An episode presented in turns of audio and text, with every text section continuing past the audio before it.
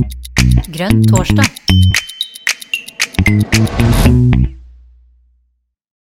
Velkommen til Grønn torsdag i serien for programarbeid. Og i dag så er det bypolitikk. Det er kanskje litt rart at jeg som bor eh, midt på bygda eh, har dratt i gang noe sånt, men det er jo en del av MDGs politikk, så da må vi jo dekke det. Og så har vi glimrende personer i diverse byer som eh, har testa ut dette både, eller først og fremst i posisjon, vel. Og det, det er jo en, en spennende vri. Men vi, MDG ønsker jo det. Eh, Tor Håkon Bakke, eh, jeg er litt usikker på hva du bedriver med for tida, for du er jo eks-byråd. Men eh, det får vi jo se hva, tinga, hva, hva du gjør. Skal, vi, skal, du bare kjøre i gang? Skal du presentere deg sjøl ordentlig? For vi, vi, vet vel da ikke hva du gjør nå? Du sitter i bystyret, tenker jeg, men Jeg eh, sitter i bystyret, Jon. Jeg var byråd fra 2019 eh, til uh, utpå høsten i fjor, på 2022. Jeg har jobbet mye med byutviklingspolitikk og arealpolitikk og samferdsel og, mye forskjellig, egentlig. Jeg tenkte jeg skulle dra gjennom det litt i en, i en presentasjon. skal jeg bare begynne? Kjør i vei. Spille ball frem og tilbake. Skal jeg bare kjøre på? Um, det som jeg har lagt opp uh, til og før jeg starter uh, presentasjonen, um, det er jo bestillingen handler jo litt om det grønne programarbeidet som skjer rundt omkring i Kommune-Norge nå. Men jeg er jo innretta mot, uh, mot, de større byene sånn i utgangspunktet. Og når vi snakker om Eh, byene i Norge, så blir jo det fort eh, de fire store byområdene. Eh, Stavanger, Nord-Jæren-området, Bergensområdet, Trondheimsområdet og Oslo-området. Og så finnes det en slags, i hvert fall nivå to, f.eks. Med, med Tromsø, Kristiansand-området, Skien-området. Eh, og så kan man på en måte fortsette eh, nedover sånn. Men f.eks. blant de avtale, eller områdene i dag som er sånn byvekstavtaler, så er det de fire, de fire store. Um, så er det noe ulik styringsmodell uh, i de uh, kommunene også, som skaper litt ulik inngang til politikk. Eh, litt mer sånn overordna. Eh, Bergen og Oslo eh, så har vi byparlamentarisme, altså en byregjering og et bystyre hvor byregjeringen utgår fra.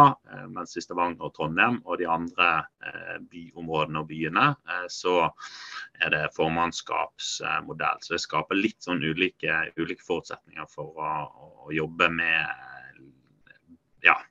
den typen politikkutvikling. Da. så tror jeg at Det som er viktig å, å si i den forbindelse, det kommer jeg innom eh, etter hvert, da, er at i eh, formannskapsmodellen i byene, eh, så er det gjerne sånn at administrasjonen kanskje er mer progressiv enn politikerne. Eh, og Det kan være litt eh, forskjellig selvfølgelig fra kommune til kommune, eh, men stort sett så, er det sånn. Mens i de byene som har parlamentarisme, så har politikerne kanskje dratt det litt lenger enn en administrasjonen i grønn retning noen ganger. Så det skaper litt ulik, ulik dynamikk. Men stort sett i By-Norge så er jo MDG som et kunnskapsbasert parti på, på, på lag med, med, administrasjon. Så det er også et godt, godt utgangspunkt. Så er det også litt forskjellig hvor langt de ulike eh, lokallagene selvfølgelig har kommet i programprosessene sine. Men jeg mistenker jo at i de fleste byene så har man kommet ganske langt. Eh, både Oslo og Bergen har jo vel kommet forbi eh, andre utkast, og også sikkert nærmt seg og kommet forbi fristene eh, for å gi eh, innspill. Um, så, så, for å treffe litt sånn til alle, eh, så kommer jeg til å, å forsøksvis være ganske overordna. Og så har jeg en presentasjon hvor det finnes en del lenker som, som, jeg antar kan, kan, sendes ut etterpå, som man kan ha som liksom støtte, støtte, støttearter. Men da går jeg i gang med presentasjonen. Se, share screen. Ding, ding, ding. Sånn. Så jeg er selvfølgelig vant til å få liksom respons, og folk ler og koser seg og smiler og alt mye sånt mens jeg prater. Eh, det får ikke muligheten til nå, for jeg kommer bare til å se min, eh, min egen. Men da får heller Jon eh, i hvert fall skrike ut hvis, hvis noe blir veldig feil, eller et eller annet ikke funker.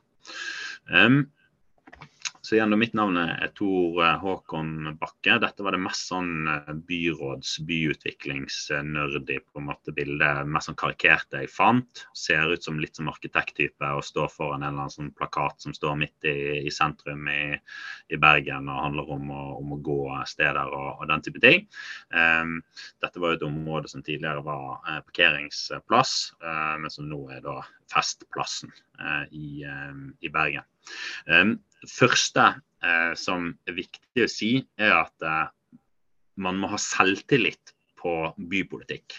Um, det å komme fra en by og bo i en by og jobbe med at folk skal ha det godt i en by, uh, det er ting som i hvert fall det siste valget i Norge, når det var en veldig sånn sentrum-periferi, sentrum-distrikt-diskusjon, hvor på en måte distriktene ble veldig sånn opphøyet. Eh, så og Det ble jo også en litt sånn skinkig Det har jo også vært en litt skinkig, skinkig konfliktlinje i MDG, som i alle partier, både i 2019 og 2021-valget. Eh, eh, men kanskje spesielt i det nasjonale valget i 2021, så, så var det en liten sånn distriktsbølge.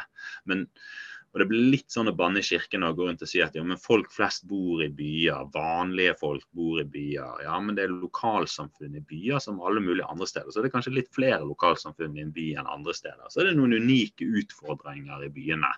Um, og, og, den typen ting. Så som eh, liksom bypolitisk talsperson så kommer jeg nok til å, å breie meg litt mer eh, nå fremover. Det har vært en litt sånn heftig, heftig høst i, i bergenspolitikken. Eh, men det er jo nasjonal rolle jeg har, så kommer jeg til å ha, ha mer på en måte type utspill à dette som jeg hadde i vår. da, eh, Som var et angrep på regjeringen og, og Sigbjørn Gjelsvik og, og Bjørn Arild Gram, som, som, ikke hadde gjort på en måte noe særlig på en måte for byene i det hele tatt. Det gikk gjennom sånn alt de hadde gjort, 400 nyhetssaker eller et eller annet sånt. og Det var liksom én eller to som handlet på en måte om byene. Og, og så er det sånn at det er distriktsministeren i regjeringen som faktisk har ansvaret for norske byer. Eh, det er han som har ansvar for områdesatsingen. Han som har ansvar for, eller den personen som også har ansvar for plan- og bygningsloven og, alle disse tingene her.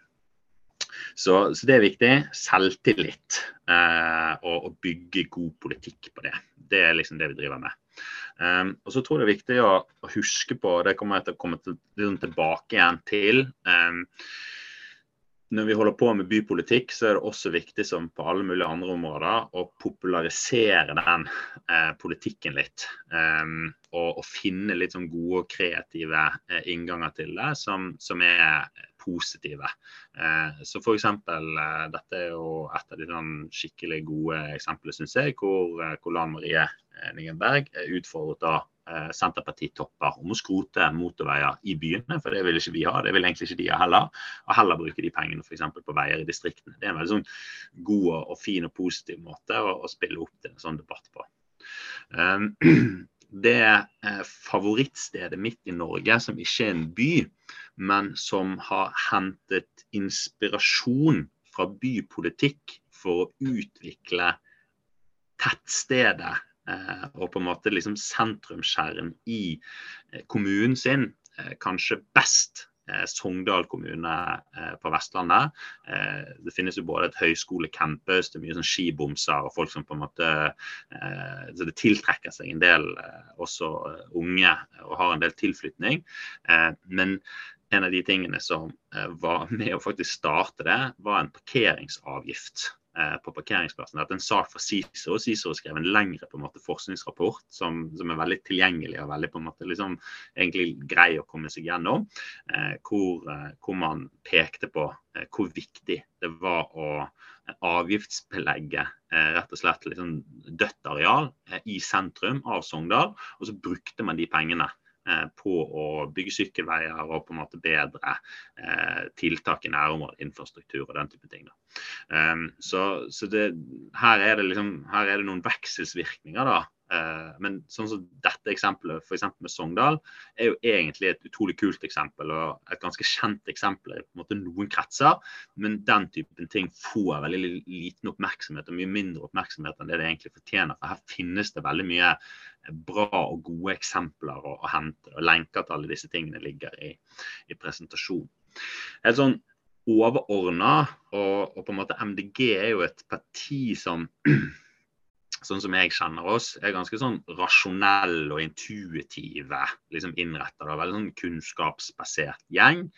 Um, og til det uh, så er det viktig å si at uh, det er ekstremt rasjonelt å bygge by. Um, helt sånn latterlig. Eh, så denne her på en måte infografikken her på, på engelsk, men f.eks. hvis man ser på alle typer offentlige eh, tjenester, så er det billigere eh, å drive med det i by. altså Det er bare noe så enkelt som eh, vann og avløp. Hvis du har et vann- og avløpssystem i en by, eh, så er det selvfølgelig færre kilometer med vann- og avløpsrør, så du må vedlikeholde og fornye. Eh, fordi at folk bor tettere eh, per, altså per innbygger, sammenlignet med i på en måte mer eh, spredte eh, områder. Eh, og Det vil gjelde alle tjenester som transport, eh, skole, skyss, veivedlikehold, absolutt alt mulig er veldig mye på en måte rimeligere i en by. Så det finnes noen veldig sånn grunnleggende og på en måte også liksom gode økonomiske argumenter Eh, for å bo eh, tettere, eh, som er veldig lett å tallfeste. Og så har man en del andre ting som kanskje på en måte mer sånn utvikling. altså MDG er på en måte også et parti som er glad i å snakke om alt mulig sånt, som handler om eh, ja, liksom, f.eks. For fortetting bidrar til at du kan ta vare på natur. for Hvis man bruker mindre plass per liksom, familie eller per husholdning, så, så, sparer man på en måte naturen til biologisk mangfold og den type ting. Um, jeg tror det var litt sånn bakgrunn da, eh, som er greit å ha med seg. Viktig å være stolt eh, av å holde på med bypolitikk. Og det er veldig mye liksom, gode argumenter eh, for, å, for, å, drive med det. Og det er viktig å ha en liksom, positiv inngang til også. Um, og så det, vil jeg bare gå gjennom et par sånne ting som i hvert fall en del når vi holder på med sånn programutvikling og, og sånn i byer, så har jo politikere ofte også en tendens til å eh, bli litt sånn faglig i sin tilnærming og sånn. Og så opplever nok jeg òg at, eller min påstand er i hvert fall at eh, når det kommer til byutviklingspolitikk, så er det sånn, det er litt tungt, det er litt fjernt. Eh, det er ikke så tilgjengelig. Det er litt stammespråk preget. altså bare liksom Arealpolitikk i seg selv er jo på en måte grunnleggende usexy å si. Eh, og så blir det på en måte litt opp til nerdene, da. Eh, og litt opp til de som på en måte syns det er gøy å holde på med. Eh, og så klarer ikke vi liksom bryte ut av den boblen eh, og liksom ramme inn et litt sånn kult, fett, artig, eh, populært eh, byutviklingsprosjekt. da. For det, det må jeg liksom helt sånn grunnleggende slå fast. Når det kommer til bypolitikk i en kommune, så er det ingenting som er viktigere, og hvor kommunen har mer makt, enn i arealpolitikken. Og Sånn er det i absolutt alle norske kommuner, og dels også fylker, langt på vei. At det er i arealpolitikken at lokalpolitikerne og fylkestingspolitikerne har makt. Eh, sammenlignet med Selvfølgelig på en måte driver vi tjenester som er kjempeviktige. Selvfølgelig er det viktig med eldreomsorg, selvfølgelig er det viktig med barnehage. Ja, selvfølgelig er alle disse tingene kjempe, kjempegrunnleggende og viktige for at folk lever gode liv. Men maktmessig relativt til eh, stortingspolitikerne, regjeringsapparatet, direktoratet alt mulig sånt, så er det i areal eh, og dels også da transportpolitikken at den er samordna, at vi har makt.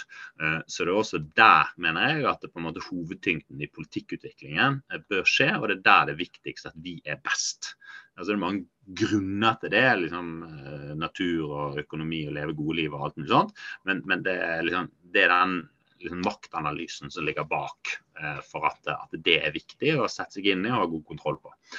Og så er det sånn at Samordnet areal- og transportpolitikk gjesp. Det, det, liksom, det, høres veldig kjedelig ut. Og så er det også på en måte fullt av, av, målkonflikter. og på en måte Veldig ofte så er alle debatter om samordna areal- og transportpolitikk sånn at eh, noen mener det er viktig med samordna areal- og transportpolitikk, f.eks. storting og regjering. Og så samtidig så mener storting og regjering at det ikke er så viktig med samordna transport- og arealpolitikk, fordi at det er viktig med utvidede arbeidsregionmarkeder, fordi at det er bra for økonomien, og da kan folk bo hvor de vil. Så det er sånn, det er sånn det er utrolig mye målkonflikt eh, innenfor dette feltet enn alle andre felt. Det er, sånn, det er veldig merkelig, egentlig, men eh, innenfor liksom legevitenskap eller medisin, liksom juss og liksom sånne ting, så har du på en måte liksom noen sånn eh, ofte på en måte noen jernlover og liksom dette her er på en måte fakta, dette er ikke fakta. Og så finnes det selvfølgelig nyanser, og det er på en måte alltid en, en faglig utvikling og forskning og alt mulig sånt. Men innenfor eh, liksom arealpolitikk og byutviklingspolitikk så har man egentlig på en måte eh, veldig mye faglig kunnskap. Uh, og så er det litt sånn som kanskje ja, skolepolitikken også kan være liksom prega noen ganger. At liksom her er all fagkunnskapen, mm, men vi politikere vi egentlig har lyst til å holde på med. Og Da er ofte rollen til, til, MDG å, å, være det, siden vi er, gjerne er et kunnskapsparti, så er vi gjerne på lag med, med fagkunnskapen. Da. Så der treffer ofte eh, MDG-synet treffer jo ofte da eh, det faglige liksom, arealperspektivet. Um, men det er ikke lov å si den typen ord, mener jeg. Det, det, fall, det, det må vi jobbe veldig med uh, i en valgkamp, og også i noen lokalprogramsprosesser. Og så er det sånn veldig mye sånn, det som gjerne kalles for kvaliteter, som er, som, er, viktig i arealpolitikken når vi holder på med reguleringsplaner, byggesaker og alt mulig sånt. Gode materialvalg, bra solforhold, nok uteoppholdsareal, bla, bla, bla. Det er gjerne det som kalles for fortetting med kvalitet. Det er også det begrepet som brukes i, i det nasjonale programmet vårt fra, fra 21 til 25. Eh, jeg mener at det er et fy-begrep. Eh, fortetting med kvalitet, ikke lov å si. Eh, det man kan si er byutviklingen av den nye rocken. Det er eller noe sånt. da. Um, så Det er sånn som jeg har lånt fra han um, Knut Schreiner, i, uh, som er MDG-er og spilte Turboneger. Uh, som også jobber som, som samfunnsplanlegger i Rodea og arkitektur, mener jeg. Um, og, og, det vi i hvert fall merker i en del byer, enda mer enn tidligere, er at det er blitt en fornyet interesse uh, for liksom, arkitektur, utvikling av lokalsamfunn, gåby, eh, sykkelinfrastruktur, eh, den typen ting.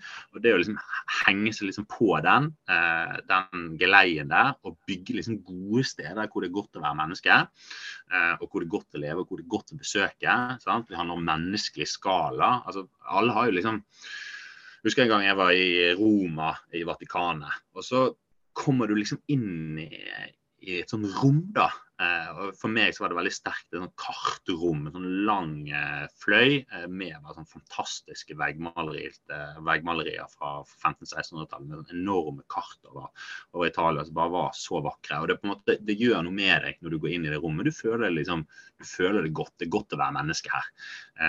og sånn skal vi også bygge by. Det skal være godt å være menneske. Det skal være så godt å være menneske at du, du har ikke lyst til å være et annet sted. Du har ikke lyst til å liksom dra på fjell eller på en måte eh, dra ut på hytten eller noe sånt. Det skal være så godt å være i byen at det er der du også har lyst til å være i helgen. Um, du skal ikke liksom komme deg fortest mulig vekk. Um, det er litt sånn som på en måte med arbeidslivspolitikk. Vi ønsker ikke at arbeidslivet skal være sånn at du føler det mest menneskelig når du kommer hjem. Du har lyst til å, å, å være et, et, et, helt menneske også på arbeidsplassen. Uh, være kreativ. Um, arealnøytralitet, arealpositivitet, altså på en måte det der å ikke bygge ned mer areal enn det som allerede er bygd ned, eh, og positivitet, som da vil være at man tilfører mer natur enn det som finnes i f.eks. En, en kommune fra før, er jo også eh, begynt å komme heldigvis mye mer opp som begreper, men er fremdeles veldig sånn utilgjengelig.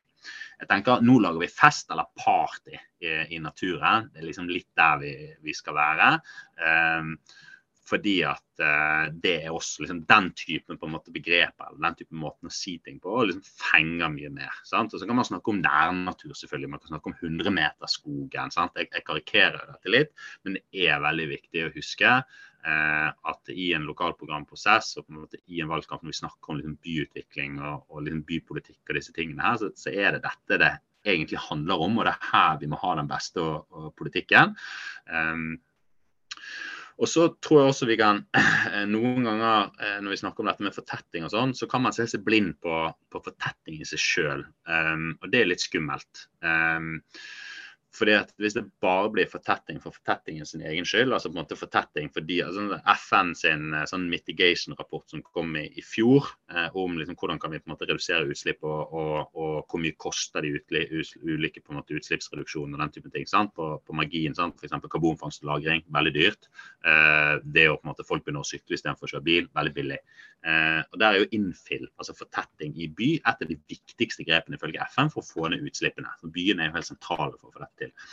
Men da er det den der, eh, som fælen noen ganger på måtte være. Vi, vi er nødt til å bygge høye, høyere. Ja, i og for seg kanskje, men, men, men her må det være en balanse. Um, jeg pleier å si at ja, ok, vi må bo tettere, men vi må også bo hyggeligere. Um, for det er det som også kan skje hvis du får en sånn, litt sånn hodeløs fortetting, at du får en, en motreaksjon. da. Um, og den motreaksjonen kan jo da gjerne føre til på en måte byspredning igjen, da, eller bysøl. Uh, alt dette sånn. Uh, det er jo ikke noe vi har lyst til å ha nå. Um, og så eh, videre på litt mer sånn i detalj på dette med samordna eh, areal- og, og transportpolitikk. og på en måte, dere ser, Jeg har liksom ikke veldig, nødvendigvis på en måte veldig mange sånn programpunkter. Jeg kommer litt mer sånn inn på det etter hvert. Eh, men jeg tror det er veldig viktig å huske at eh, i byene eh, så eh, må vi drive Jeg liker ikke alltid på en måte begrepet kamp, men, men i byene så må man redusere antall biler det, det, kommer vi liksom ikke unna. Eh, biler tar mye plass, det skaper kø, det er dårlig byluft. Eh, liksom generelt, på en måte. Det, liksom, konseptet bil og konseptet by de liksom, det, er to, liksom, det er to uforenlige konsepter. og de, de, har egentlig ingenting med hverandre å gjøre. Og Det har vært et megastort Eh, eksperiment egentlig, som har pågått siden andre verdenskrig. Eh, hvor du hadde eh, mer eller mindre på en måte velfungerende byer rundt omkring med, med mye byliv og, og god kok. Eh, og selvfølgelig på en måte mye som ikke var bra òg. Eh, men hvor du begynte å fylle alle verdens byer med masse biler. Og så nå er vi inne da, i, en, i et nytt paradigme hvor vi prøver å få biler ut igjen. Unnskyld, Tor Håkon. Ja. Eh, beklager, vi har fått et eh, spørsmål i chatten. her. Jeg lurer på, Vil du ha spørsmåla underveis, eller vil du at vi skal ta de til slutt? Det er veldig gøy hvis folk bare roper ut spørsmål underveis. Jeg foretrekker egentlig det. Det er, det er skrevet, jeg vet ikke om det er skrevet på en ropende måte her, men jeg kan gjerne referere det hvis du vil ha, ta det med en gang. Ja. ja. Eh, og det er at Du nevner ordet målkonflikt, og da er det Morten Lange som spør om eh, Ja, jeg får opp. Jeg, jeg, kan, jeg kan ta ja. det. Du trenger ikke lese det høyt. Eller jeg, jeg kan lese det høyt, jeg, egentlig. Um, så Morten Lange han spør om konflikten mellom bra solforhold, for fortetting med kvalitet på den ene siden, og det å bygge høyere på den andre siden. Eh, så ikke menneskelig skala, mindre sol, mye mer kastevinder. Og hvor godt den eh, hvor godt på en måte diskutert den konflikten er i MDG. da.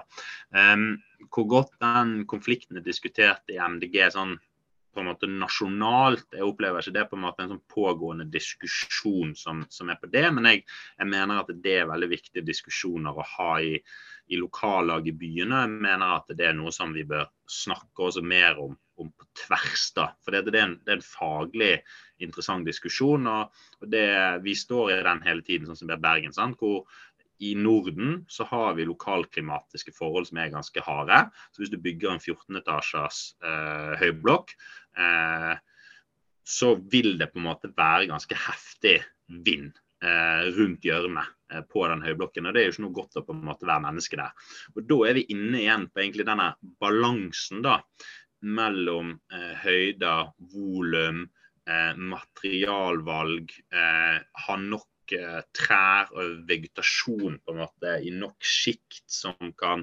redusere vindstyrke eh, med mer. da.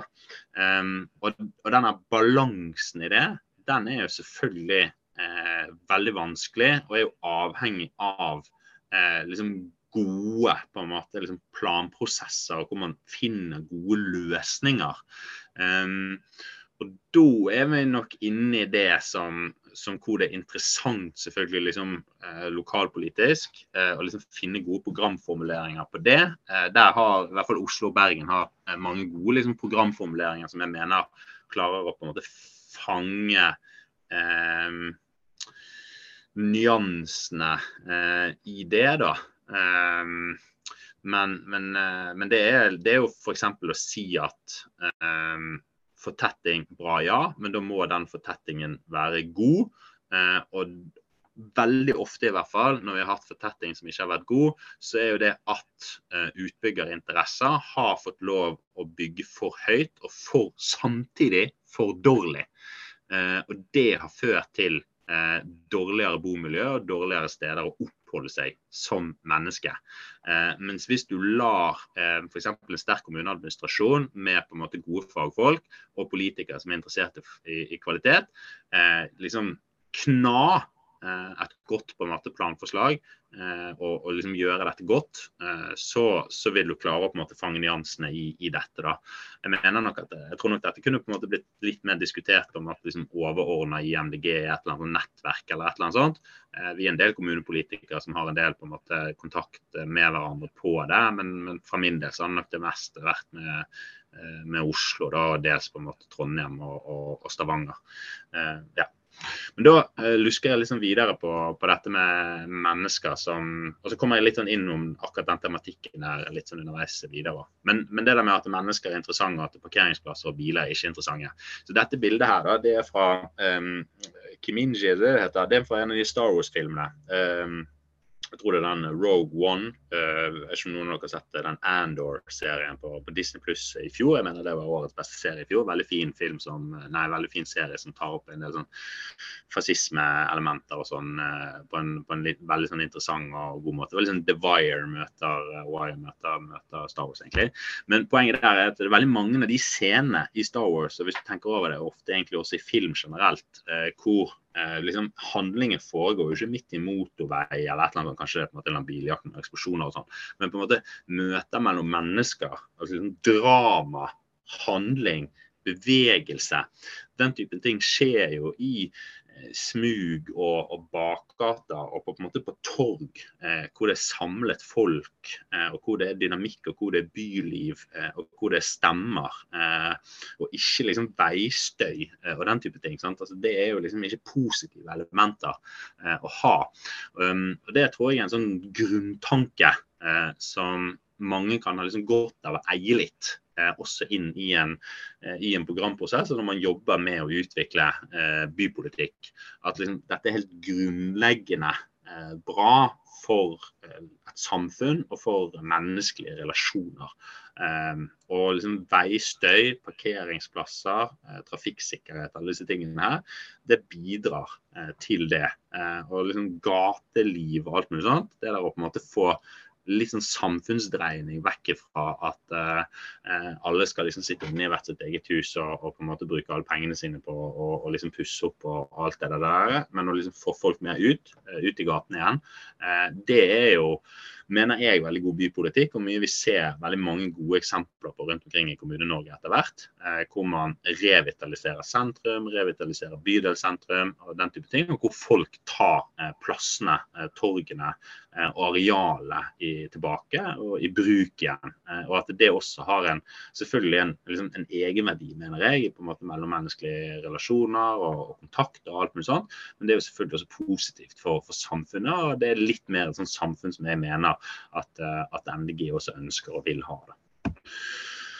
Um, when in doubt, do as the romance. Så det, som, um, det finnes en sånn um, omvendt transportpyramide, som helt sikkert mange av dere kjenner til. Det som er fint med å være byråd, da, og på en måte bestemme det at du kan be folk om å lage det du vil at de skal lage. Eh, så Tidligere i Bergen så hadde vi en sånn eh, transportpyramide som viste liksom gående på toppen, og så syklister, og så kollektiv, og så eh, næringstransport og taxi. Og så bildeling, og så Eller det var ikke bildeling med, men, men også liksom privatbilisme.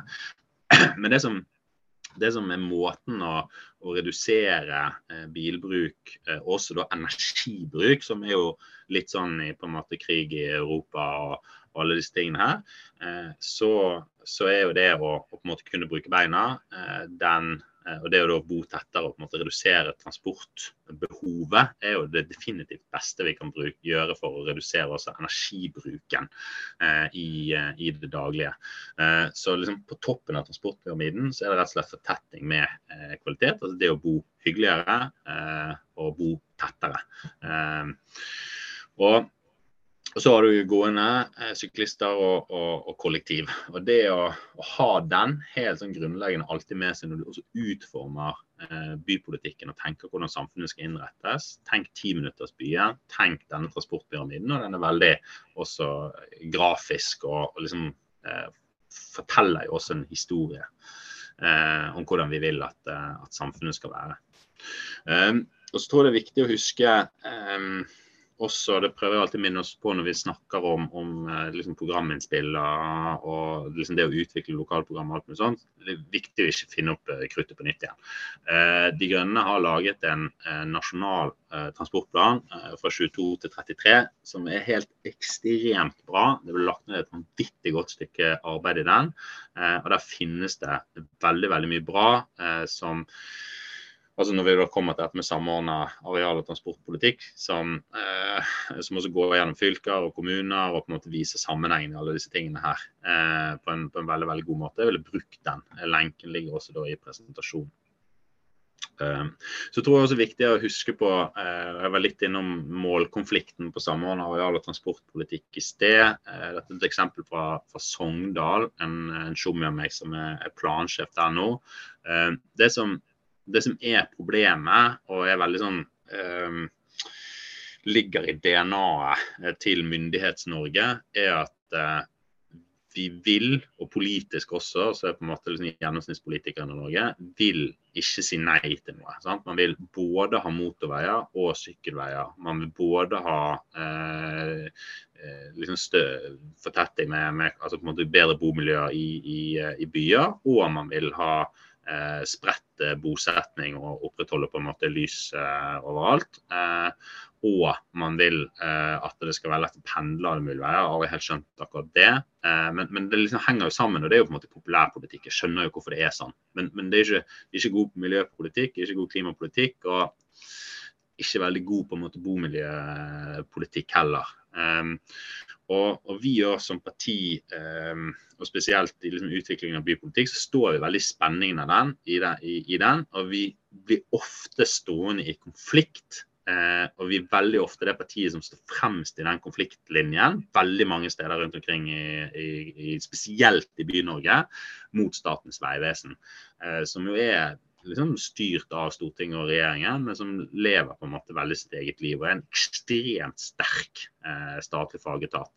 Eh, og de eh, må vi på en måte liksom kjempe mot med nebb og klør i, i hele Kommune-Norge. Og det å også ha da liksom forståelse av den eh, konfliktlinjen der, og være liksom maktkritisk mot Statens vegvesen, Eh, å ha velformulerte liksom, politikkpunkter på det. Det kan f.eks. være noe sånn som eh, MDG Stavanger vil ha mer makt over eh, fylkesveiene og statlige veier i egen by. altså liksom Den typen ting. Eh, det eh, er viktig politikk å, å få med seg eh, inn i, et, inn, i et, program, og ha med seg også videre inn i f.eks. For forhandlinger om en plattform etter valget. For det er det én eh, hva jeg si, liksom enkelt variabel da, som har fryktelig mye å si eh, for eh, liksom det å leve i en god by, så er det å få redusert den trafikken. Og for å få den redusert den trafikken, så er du nødt til å på en måte, i hvert fall i ganske mange tilfeller, vinne over, over Statens vegvesen. Det er veldig vanskelig. Så det å på en måte få det inn i programmet, og få knefestet det der, og få det inn i en, en plattform, er veldig viktig. da. Eh, altså en samarbeidsplattform i en eller annen eh, form. Um, at det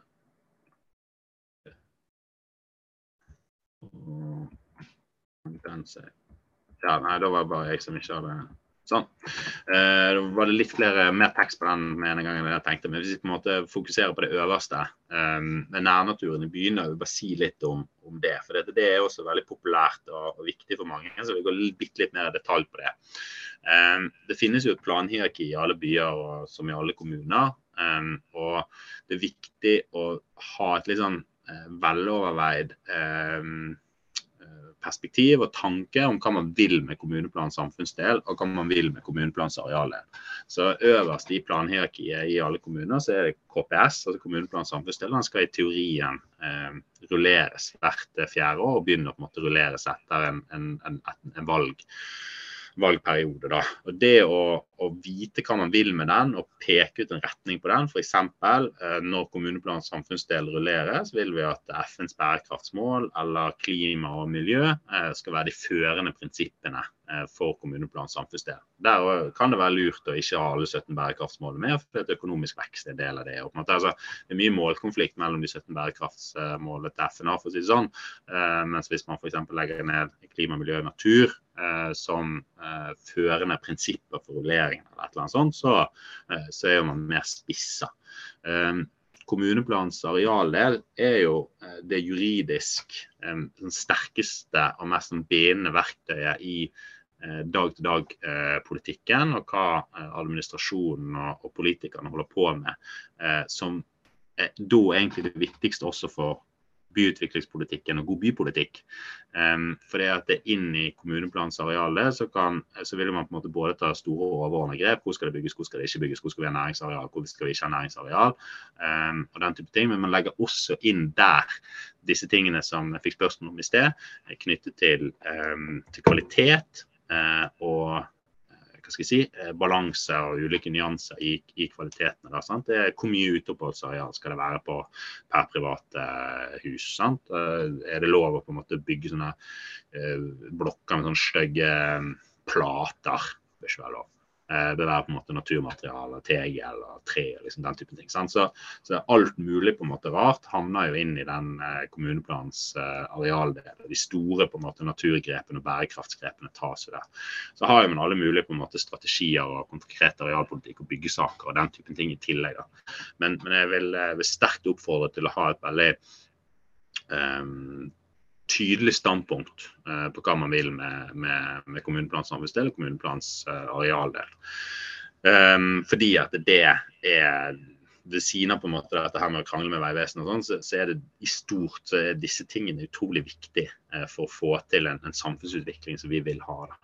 Um, så er det veldig viktig å huske også på organisasjonene, og spesielt når det kommer til å ta vare på nærnaturen i byen, som Naturvernforbundet. Sabima er jo en organisasjon som er blitt slått, altså en organisasjon som er slått sammen av veldig mange andre tidligere organisasjoner som er veldig små, litt sånn sære. Eh, de jobber veldig profesjonelt med god arealpolitikk. da. De er mye mer spisse enn det Naturvernforbundet er. Eh, lagt ned nettsiden deres på en måte i presentasjonen, og også utrolig mye bra for, for byene eh, der. da. Norsk turistforening er alltid på en måte viktig å ha med seg når det kommer til nærnatur. Altså, det er jo veldig mange grunner til at, eh, at sånn som DNT er viktig på det. og Det handler jo bl.a. om å få opp disse perspektivene med viktigheten for, for helse, eh, at man har eh, gode liv ved å ha tilgang på natur. Da. Jeg kan jo si at eh, i, sånn, i de nyere undersøkelsene om hva folk er opptatt av i nærheten av der de bor, så er det fire ting som går igjen. Tilgang på liksom, legekontor, tilgang på nærbutikk, tilgang på god eh, kollektivtransport og tilgang på nærnatur. Det er de fire tingene folk PT eh, heldigvis da, er mest opptatt av. Og så, ofte, så, kommer det ofte en del sånne ting som også er i konflikt. sant? Man vil ha parkeringsplass og kunne kjøre til huset sitt, og så samtidig har man lyst på verdens mest trafikksikre gate. sant? Det, det går ikke alltid opp, men sånn er det. Eh, men Syklistenes Landsforening gjør en god jobb i veldig mange byer og har sterke lokallag flere steder. Uh, og som jeg også var innom tidligere, så er det dette med administrasjon.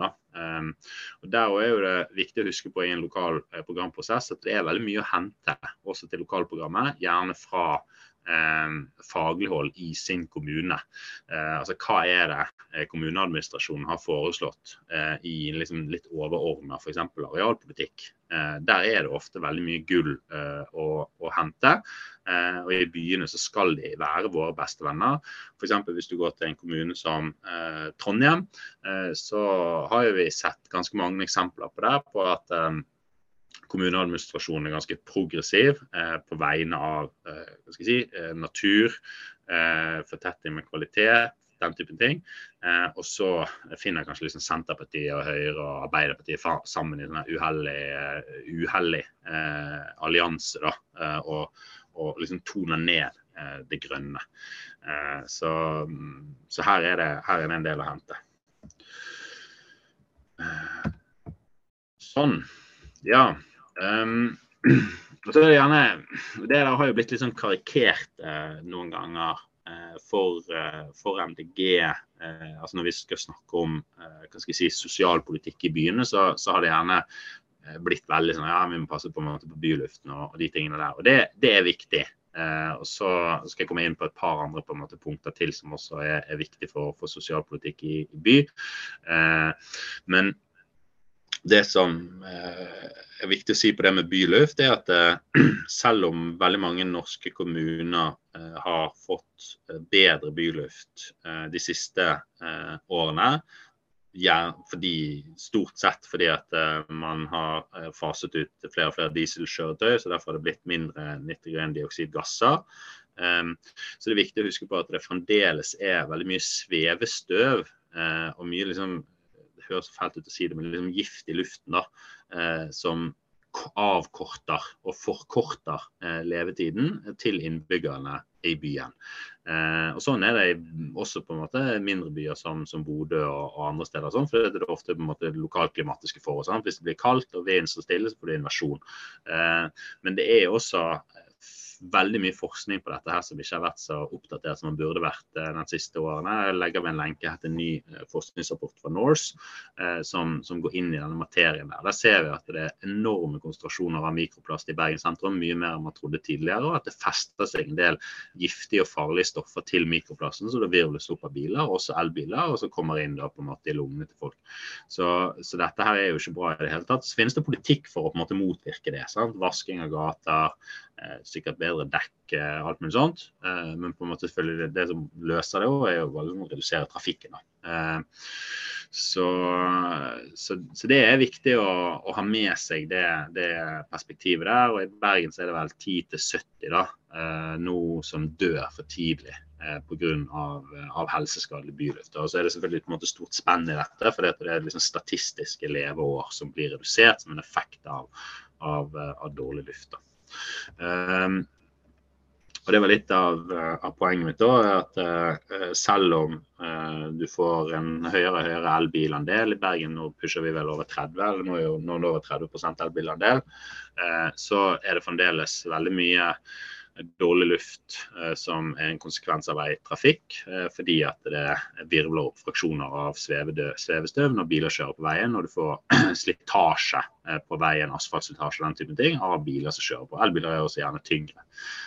Og så er det viktig å huske på at piggdekk ikke skal eksistere i en by. Så det, liksom, det, bør man jo bare ha en veldig sånn knallhard politikk. Jeg har også lagt ved en, en lenke i, uh, her med liksom, politikk på, på å fjerne eh, piggdekk eh, fra, fra, byen. Det er mange måter man kan man gjøre det på oblatordninger og avgifter og, og litt sånn forskjellig. men det, det skal, den tiden på en måte med piggdekk i en by, den, den skal egentlig være forbi, for å si det forsiktig.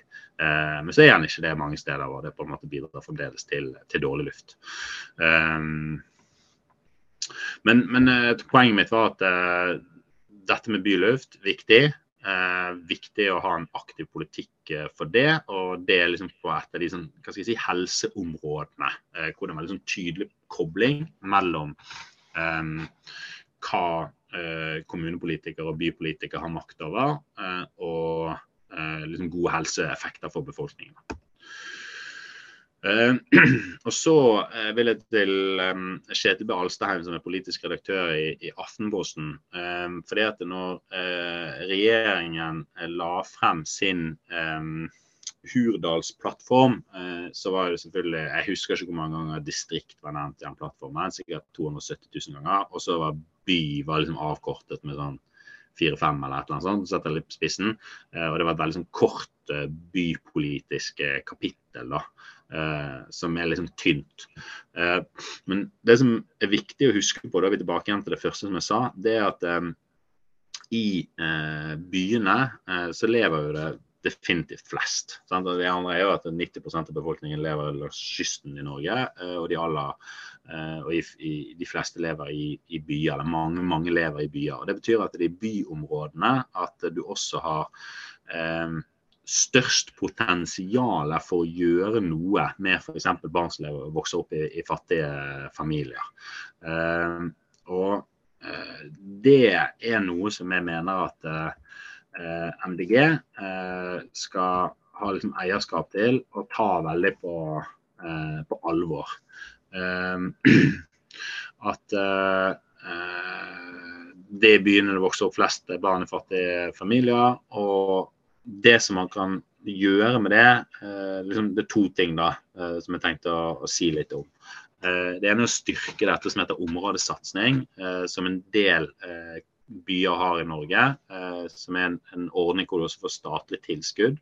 Um, og Det handler om å um, gjøre tiltak for å bedre levekårene i levekårs- og utsatte områder. Da. Så, og det har jo alle, alle norske kommuner har jo eh, forskjell fattig-rik, og områder hvor, eh, som er hva skal jeg si, eh, liksom bedre tilrettelagt for å leve gode liv enn andre steder.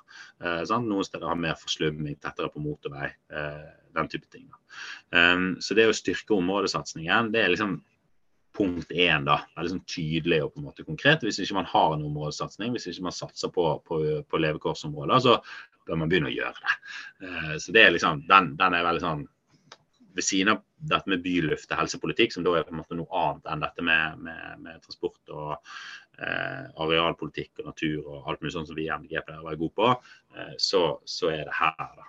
Um, og eh, da eh, tenker jeg også på eh, videre eh, på dette med å bruke tomter til sosiale formål. Veldig mange byer, eller byer har jo, om ikke man har et eget tomteselskap, så har man gjerne en veldig stor tomtereserve og tomter som man eier. Og man, hvis ikke man eier mye tomter fordi at man har vært gjennom kanskje en periode hvor man har solgt mye, så bør man kanskje ha en mer progressiv eh, tomtepolitikk igjen og kjøpe tilbake igjen, altså bedrive strategisk eh, eiendomservervelse. Um, og Det som er fint hvis man eier egne tomter, det er at man kan gjøre fryktelig mye moro med det. Uh, og veldig mye bra med det uh, for sosiale formål. Um, så det som er greia er at hvis du uh, har en um, hvis en privat utbygger eier en tomt og kommer til kommunen og på en måte sier jeg har lyst til å gjøre sånn og sånn, og sånn, så er det veldig begrenset hva kommunen på en måte kan si. Nei, vi har lyst på at boligene skal være så og så store. Vi har lyst til at de skal være, koste så og så mye. Eh, vi har lyst på en sånn og sånn type disposisjonsform, at det skal være borettslag eller et eller annet sånt. Vi har veldig lite handlingsrom til å holde på sånn. Eh, 90-gritty for, for sosial bærekraft. Men hvis du eier tomten sjøl, så kan du gjøre hva pokker du vil eh, som kommune.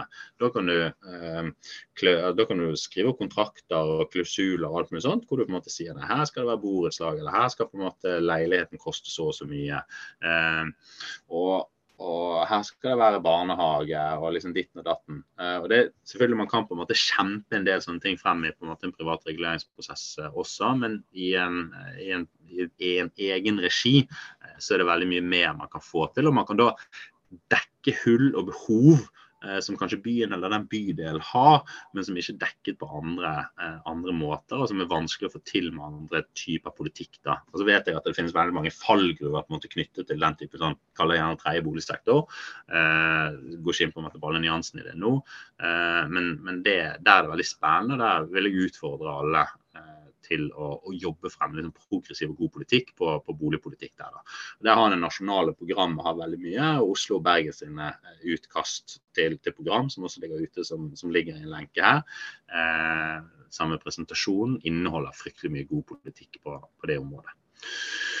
Og Så er det å bruke det handlingsrommet som finnes da, eh, i plan- og bygningsloven eh, til, til å bedrive på en måte så hva skal jeg si, kreativ og god politikk eh, på vegne av, eh, av en god byutvikling som uh, mulig. Da.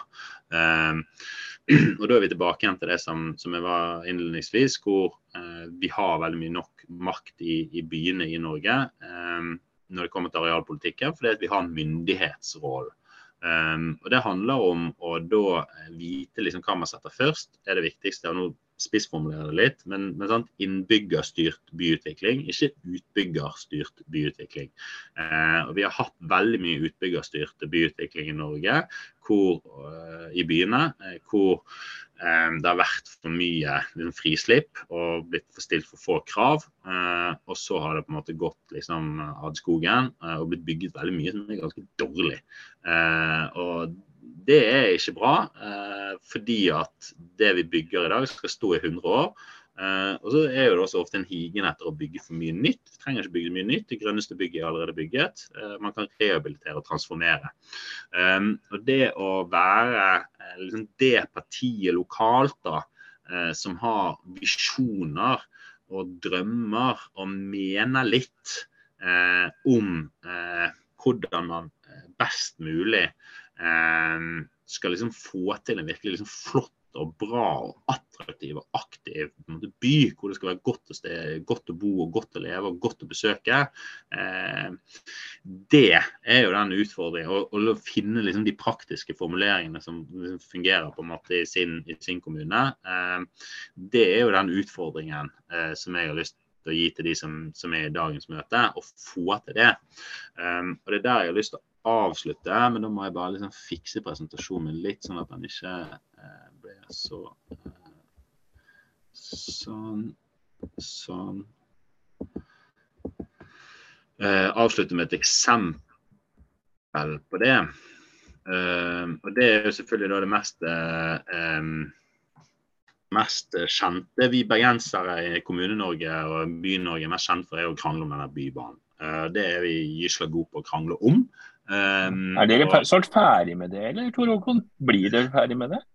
Vi, eh, det er en sånn eh, eh, Ja, vi blir jo ferdig med det. Vi har jo faktisk akkurat åpnet en ny bybanelinje til Fyllingsdalen bydel, eh, som eh, transporterer jo 55 000 mennesker om dagen. eller noe sånt. Så, så, det jo Det skjer jo ting. altså Det er ingen som får med seg alt det bra som skjer, for det, man får bare med seg denne kranglingen.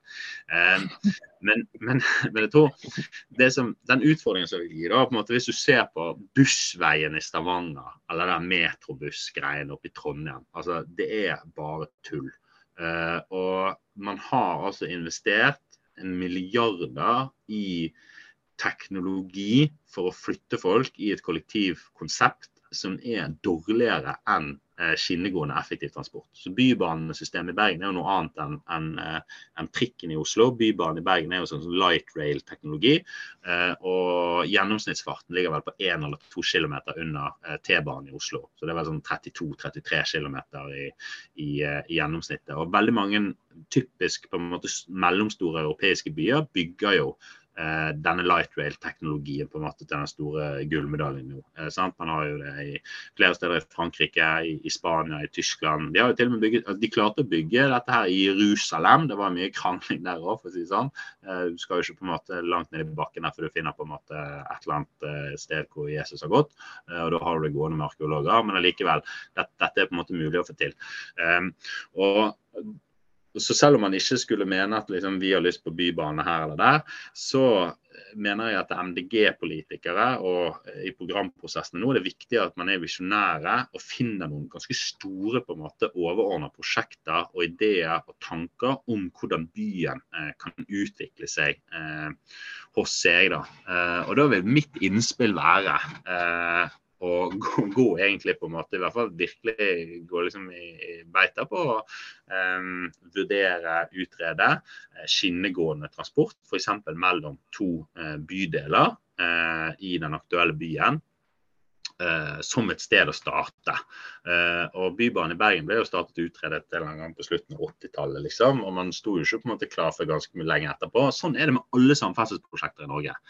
Eh, og det vil jeg også si at liksom, Hvis ikke du har på en måte en bybane eller et sånn type på en måte infrastrukturprosjekt å kjempe for, så skal jeg banne på at det finnes 50 politikere eh, i den kommunen som jobber for et eller annet motorveiprosjekt eller en eller annen E6 eller en eller annen E18 eller et eller annet sånt. La oss bruke energien og den politiske kapitalen og på en måte kreativiteten og tankekraften til å bygge eh, transport som effektivt flytter oss eh, i hverdagsreisene på en energieffektiv måte og en klimavennlig måte, og på en måte som er god for folk. Um, så, så, det som jeg tror jeg bare liksom vil fremheve, da, er jo at uh, dette som for å liksom overtale da, de som er i møte om fortreffeligheten til skinnegående transport, uh, så er det i hvert fall fire erfaringer som er veldig tydelige fra Bergen, og som er tydelige fra alle mulige andre steder hvor du har bygget den type light rail-teknologi. Det er at det er raskt, det er populært og det er pålitelig. Det er det første. Altså, Bybanen er kjapp flytte deg raskere enn buss, flytte deg raskere enn en eh, til fots eller med bil eller andre ting. Den er superpopulær fordi at det er enkelt tilgjengelig, eh, lett å lese trafikkbildet. Eh, ekstremt bra for universell utforming, alt mulig rart. Han kommer hele tiden. Den er pålitelig. Du vet at den går. Um, rettferdig og sosial. Jeg var innom det med universell utforming i sted. altså I en menneskerettighetsby, en menneskerettighetskommune, så er det lett å, å trille av, det er lett å trille på. Det er veldig lesbart trafikksystem. Um, alt mulig rart. Han binder også byen eh, sammen eh, på en veldig eh, sosial måte. Altså det, jeg tror det var han ordføreren i Bogota i sin tid eh, som sa noe sånt som at eh, liksom i, i eh, det som kjennetegner eh, rike land, eh, er ikke at, eh, at liksom de fattige kjører bil, men at de rike tar bussen. Altså det, det der er jo det som, som, som teknologier og, og, infrastrukturtiltak som bybaner gir deg. da. og med tanke på en sånn levekårsområder og, og på en måte bydeler som er mer forslummet enn andre, og den type ting, så vil jo Bybanen eh, bidra til det vi gjerne kaller for byreparasjon. da, altså Restrukturerende, overordnede grep eh, i en by hvor du har satset på motorveier, og så bytter tilbake igjen da eh, til f.eks. skinnegående transport, sånn som man gjerne egentlig hadde også gjerne før, før motorveiene kom. Um, og så skaper jo Bybanen endring. altså det som et skinnegående transportsystem gjør, eh, som, eh, som, du ikke får til f.eks. med metrobuss eller på en måte den type ting, er at eh, en buss, den, selv om du på en måte bygger egne bussveier og alt mye sånn dill og dull, eh, så tilrettelegger ikke det for samme type sånn byfortetting eh, langs eh, traseen og på en måte ved holdeplassene. Så når, Det du kan gjøre på et sånn strategisk overordnet nivå, gjennom å på en måte finne en balanse mellom liksom, okay, men klimaperspektiv, naturperspektiv, sosial bærekraft, bla, bla, bla, så kan du finne da, de områdene eh, som passer best? Er det mye på en måte, Var det industri her før? Ønsker vi å transformere det i industriområdene fordi de er utflyttet, eller et eller annet sånt? Til bolig, til sosial infrastruktur. Nå putter vi et holdeplass der, så skal jeg banne på at der kommer på en måte eh, kapital og de private interessene til å gå inn. fordi at der vet de da, og jeg er sikker på at her kommer til å være et godt kollektivtilbud i et hundreårsperspektiv. Men en, på en, måte, en buss eh, kan jo på en måte bare skifte rute, den. Eh, så, så den, det, det, har ikke den samme sånn effekten eh, på å strukturere en by på en, på en god og klimavennlig måte. Um, og nå står det på en måte Bergen Nord her, da. Eh, men det er jo det også Alle byer har jo ulike bydeler. Og noen bydeler er hva skal jeg si, eh, kanskje kommet bedre ut i lotteriet enn andre bydeler. Og noen bydeler på en måte ligger litt mer bakpå enn andre. Enn andre. Så det der å igjen å knytte byen sammen og få til en liksom, reelt ekte bærekraftig eh, byutvikling, eh, som også da binder byen sammen eh, er jo da en av de effektene som man har med, med skinnegående eh, transport, eh, og som man ikke får til eh, med i nærheten på samme måte, f.eks. med et, et, et bussystem, da, uansett på en måte hvor bra det, det, skulle, det skulle, være. Og så er det lave driftskostnader og på en måte alt mulig sånn del og dall Da. Så det er veldig mye på en måte, det finnes veldig mange fryktelig mange gode måte, argumenter for dette, men, men, det er kanskje mitt sånn, sånn oppspark da, til, til hva jeg også tenker at alle bør ha med seg de tingene som jeg nå ikke har vært innom, da, sånn, som jeg selvfølgelig kunne mast mye om, sånn, jeg kunne snakket mye mer om på en måte liksom fotgjengerpolitikk eller sykkelpolitikk eller eh, liksom mer annen type måte, klimapolitikk eh, og sånn. Eh, men nå har jeg hatt fokus veldig på, på det som er liksom, mest sånn byspesifikt, som har effekter Altså, det har klimaeffekter, det har natureffekter. Eh, men jeg har, vært mest inne på, på sånn skjerm i det som går på areal- og transportpolitikken. og så har det så har jeg på en måte, måte matet inn med teskje, for det antar jeg på en måte liksom publikum her og kjenner mye til. altså De positive effektene med dette. Vi har fått en um, hånd i været her, Tor Håkon. Så ja. kanskje vi skal slippe til Katrine. Vær så god.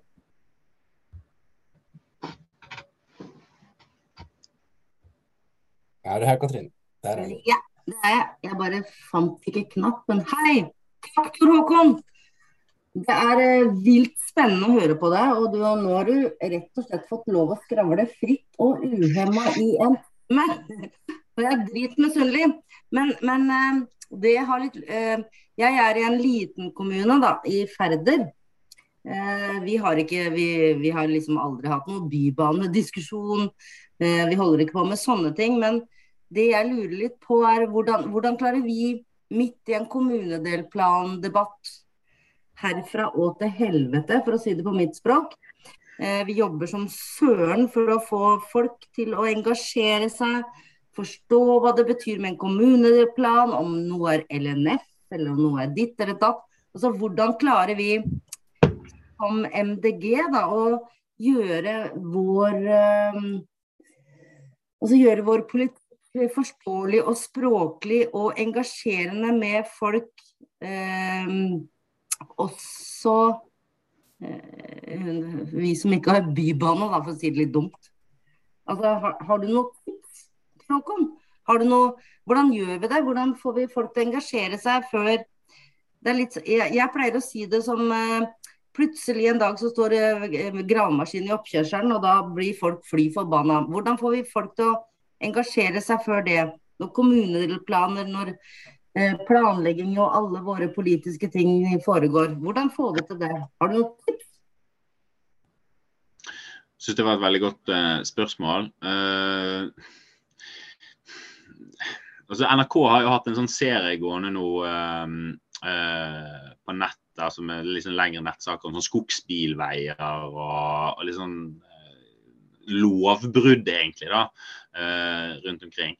Um, og som peker jo på det du sier. sant? For det, er gjerne etter at ting har skjedd og på en måte konsekvensen for natur og miljø kommer, at, at liksom folk våkner litt. da. Det ene er jo at man gjennomfører liksom gode naturmangfoldskartlegginger, og at det er liksom tydelige prinsipp i arealplanleggingen. Da, For da, da, da, sikrer du at konsekvensene kommer opp. Det er litt sånn som å holde på med et klimabudsjett eh, eller et eller annet sånt. At, ok, men Hva er klimaeffekten av dette? Ok, men Hva er natureffekten av dette? Eh, ryker det noe tareskog? Er det på en måte en eller annen bille som er rødlista? Er det en hul eik? Et eller annet greier.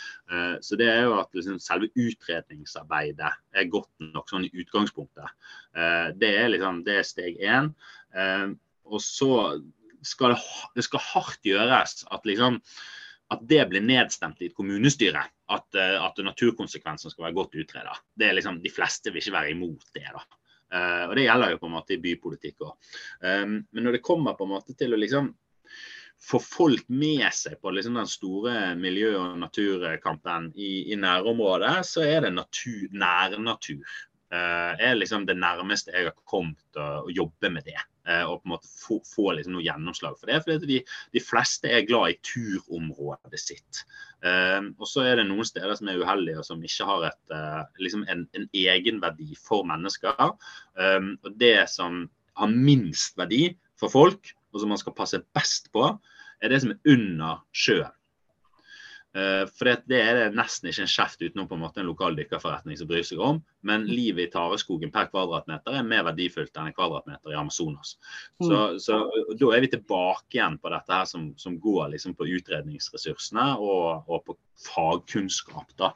Um, og så prøv å bruke altså Jeg kjenner jo godt til deg på ditt virke.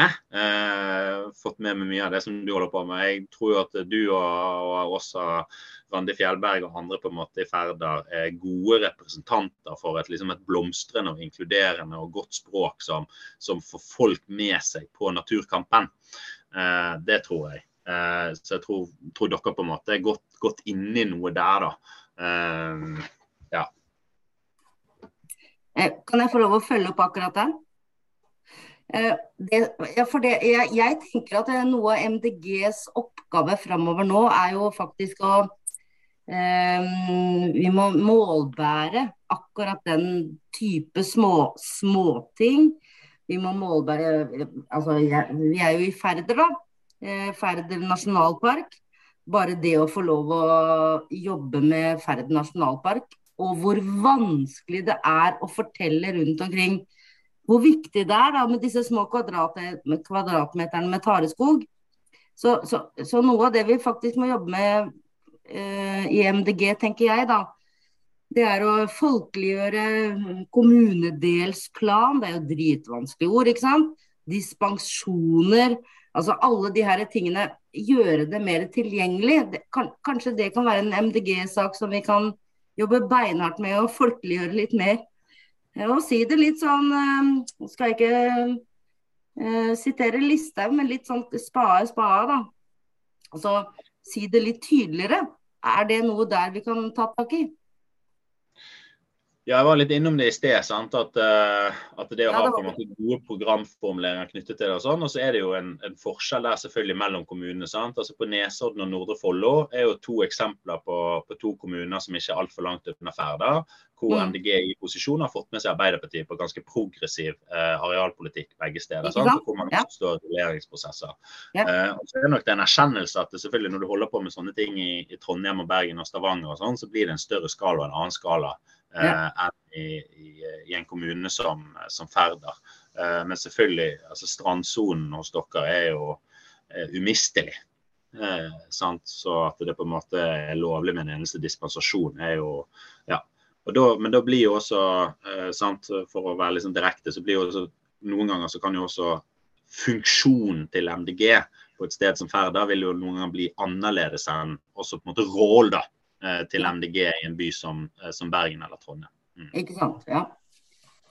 For der vil jo kanskje på en måte en, en eller to eller tre eller fire MDG-ere bli på en måte liksom ombudsperson for naturvernet lokalt. sant?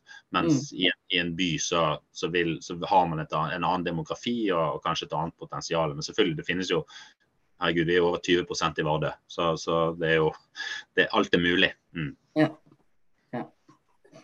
Da har vi fått et uh, par, par, hender til i været. Takk, Tor Håkon og Katrine. Uh, før jeg gir Ivar ordet, så spør jeg deg, Tor Håkon, om du har mer du skal presentere, eller om vi skal slippe folk helt fritt? Nei, jeg eh, begynte jo bare å bable, så jeg var enig med Katrine. Det var på tide å avbryte meg sjøl. Mm. ok, greit. Uh, da gir vi Ivar ordet, vær så god. Og så er det Einar etterpå. Ja, hei. Det er fra Trondheim her. Eh, noe drev oss og prata om hvordan vi skal inspirere, eller hvordan ja, få folk med og sånne ting. Så dukka bare opp litt i hodet mitt eh, det her noe sånn eh, ja, litt kunnskapsmessig eh, bakgrunn med, med noen undersøkelser som har foregått i andre land. Jeg tenker på Japan f.eks. Så eh, hadde regjeringa der, eller kan vi si staten der, investert flere milliarder i forskning på hvordan trær påvirker menneskene i, i, i urbane strøk. Og kommet frem til noen, ja, noen fakta og, og, Det var jo en ting som inspirerte meg litt. Hvordan i alle dager eh, hvordan fikk de det til å forske på det, og hvordan hva var konklusjonen på det. Eh, altså det er jo sånne enkle ting. Da, altså hvordan påvirker det naturen rundt meg, meg som et individ i byen. Og hvordan eh, kan vi si eh, skal har det å si for meg. Eh, og det vil jo også, Når jeg tenker sånn, så er jeg jo helt sikker på at det er flere som da er interessert i det. Så det er jo sånne enkle ting, da. Takk. Jeg kan kommentere kjapt uh, på det. Det var en av de tingene som jeg ikke Det er hundre sånne ting sant, som, som, ligger i hvert fall i programutkastene rundt omkring. Uh, og det å ha en egen beplantningsplan uh, for trær i det sentrale bydeler er kjempeviktig. Fordi at verdien av et tre, sant, det å på en måte kanskje gjennomføre det koster 200 000-500 000 ish, gjerne. men helseeffekten, eh, luftrensningseffekten, skyggeeffekten, lokalklimatiske forhold-effekten, alle disse tingene her, overstiger jo langt investeringskostnaden. Eh, og Det er jo en sånn typisk problemstilling også i byutviklingspolitikk i hele Norge. At eh, det som du gjør som treffer bunnlinjen til kommunen, men som kan være bra for sekundærhelsetjenesten eller et eller annet på en måte annet liksom del av Myndighets-Norge eller på en måte skattebetalerne. Et eller annet Det fanges jo ikke opp. Alle blir på en måte sittende med sin egen pengesekk.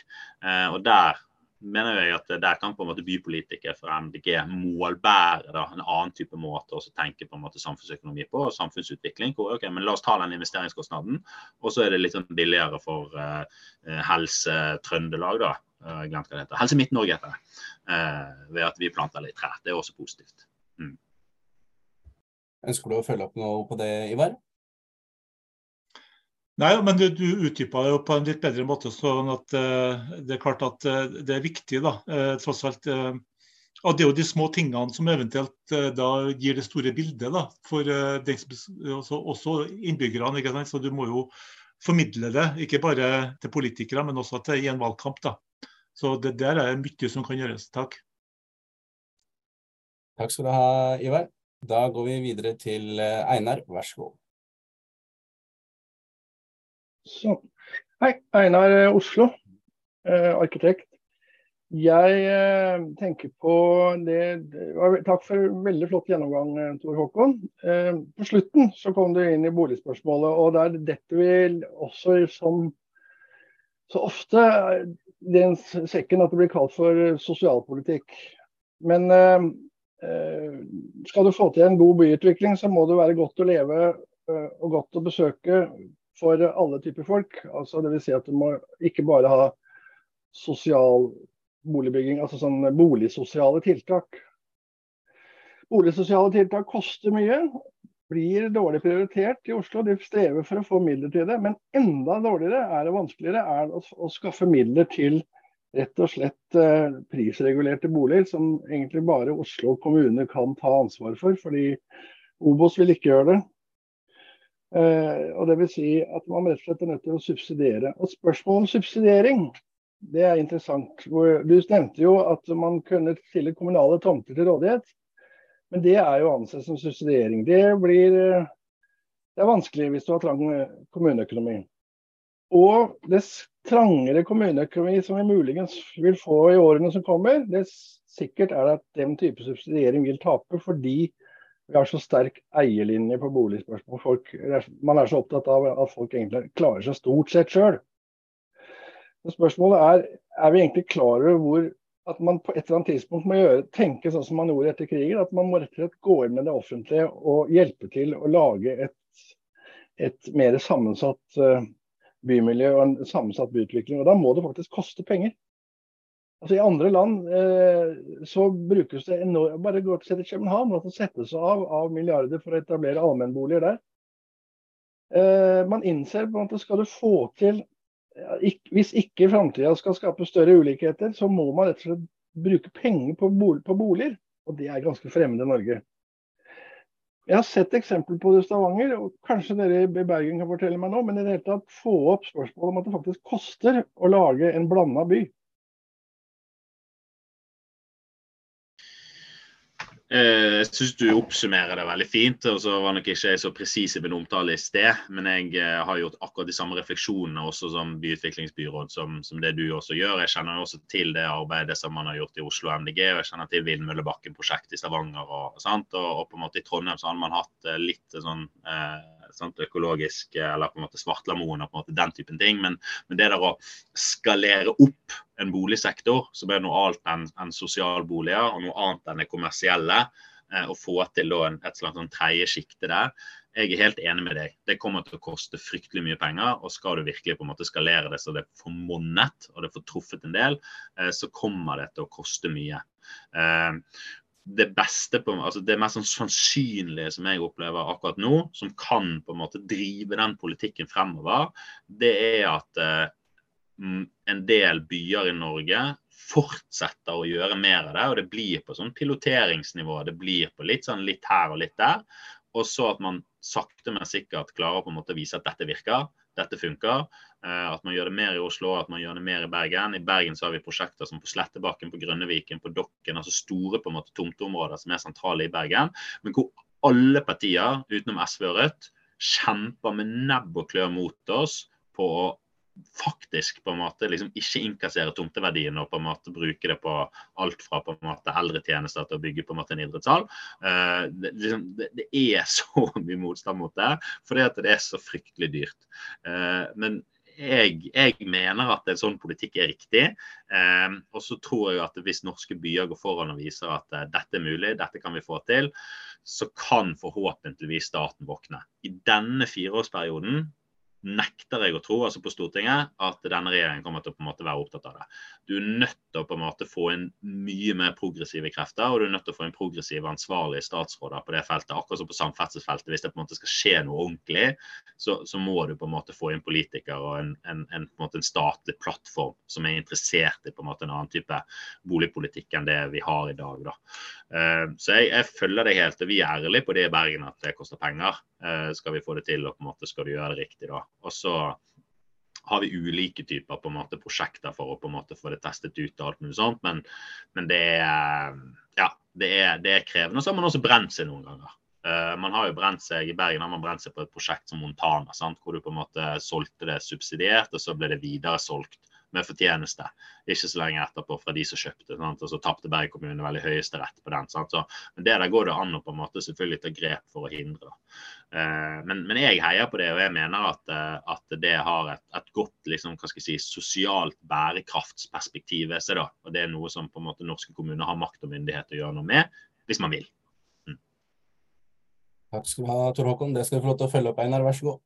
Bare en replikk. Um, først, uh, før jeg glemmer det, det at uh, i denne fireårsperioden Jo, de som kjenner de som sitter på Stortinget, må minne dem på at uh, det må opp for Stortinget å endre plan- og bygningsloven. Og Hvis ikke det kommer i den boligmeldinga, fordi plan- og bygningsloven i dag gjør det vanskelig og umulig å regulere inn sosial boligbygging. Tore Håkon var innom det, men altså det, det, må rett og slett til. Du snakket om handlingsrommet i loven, men den er faktisk handlingsrommet mangler når det gjelder å regulere inn krav om f.eks. prisregulerte boliger, en viss andel av det. Uh, så det var egentlig det. Og så var det det siste du sa, da. Det var Hva var det siste du sa? Jeg var litt at jeg er enig altså på en måte, altså jeg, jeg er jo enig med bygningsloven, sant? men at, at, skal vi altså i praksis da, klare å få gjennom et skifte, på en måte en endring i Norge på dette, så tror jeg kommunene må gå foran. For jeg tror ikke en norsk altså Det er ikke populært nok. Folk eier egen bolig. Folk har ikke lyst til å be, ikke betale på en måte trekke fra fradraget på skatten. Nei, det, det, Jeg tror det sitter langt inne, men, men eh, det er veldig bra vi er enige om dette. Jeg tror dette står også i programmet i dag. Og også, Jon, tenk, tenk på det, og det er, Du sa det miljømessige perspektivet på det. er nemlig Hvis du snur det og sier at du skal subsidiere, og kun subsidiere, prosjekter som har spesielt gode, god miljøprofil. Det er sånt som er gjort i, i, i Wien f.eks. Eh, at de skal gi noe tilbake til byen. Det skal være brukt materiale, sunne materialer. Du skal ha et veldig lavt eh, energiregnskap. og Mange sånne parametere som man kan sette før man legger ut en tomt til et ideelt, eh, altså til mer, et, et, et, mer inkluderende boligprosjekt. Så Da blir det på en måte et miljøaspekt ved det. Da, kan, da, må du gjerne ha tak i sånne grupper da, som er, er, idealister å stå på. Og Det er vanskelig å finne i dette selveierlandet her, men vi kan jo backe det opp. Takk. Takk, Einar. Eh, har du noen kommentar på det, Tor Håkon, eller bare, kanskje ikke? Nei, jeg syns vi, vi, er så enige eh, på dette. Så det er gode, gode perspektiver og gode nyanser. Eh, mm. ja.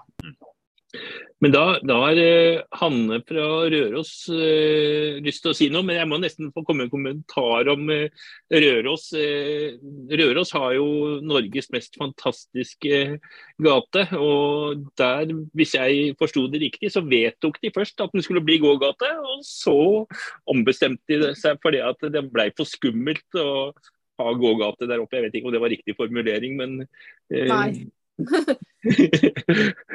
Nei, det var fordi formannskapet hadde tatt den beslutningen, og så mente at de hadde mandat til sånn trafikkregulering, men så viste det seg at det var egentlig snakk om en regulering, og det har vært stor debatt om det her, men, og kommunedirektøren sto på sitt at de hadde gjort det korrekt, men jeg tror kanskje ikke det. Fordi det var mer enn å regulere trafikk, det var en regulering. Så så nå eh, næringslivet da, vet du, påsto at å nei, nå blir det konkurs nedover hele gata. Så nå har de trukket det tilbake. Og så har de da ordna en høring, eh, sånn at folk skal få lov å snakke. Ja, så prosessen er ikke, Det kan komme opp igjen? Mm. Ja, ja, det kommer jo opp igjen da, men etter uh, høringsrunder. Og, men jeg har jo kommentert i kommentarfelt òg, for at næringslivet, hvor mange er det? Uh, 100 stykker nedover den gata. Men hva med de som er brukerne? Det er jo de som gir pengene til de her butikkene. Og brukerne kanskje ville foretrekke å ha en gågate. Så, så den, det aspektet blir glemt helt, da. Mm. Eh, ja, men jeg lurte litt på. Um, jeg syns jo, har nevnt før, at eh, MDG kunne godt ha tatt statseierskap på mikro- og minihus. Uh, for det liksom ligger litt ledig. uh, og her på bygda så er jo det Der har man jo kanskje lettere noen arealer da, der man kunne ha lagt opp til sånne mini-mikrohus. Ehm, så jeg vet ikke helt da, I større byer, da måtte det eventuelt bli kanskje bydelene som ligger lengst unna sentrum, kanskje. Men ehm, ja, det kunne jeg ønske, for jeg klarer ikke helt å ordne det der sjøl.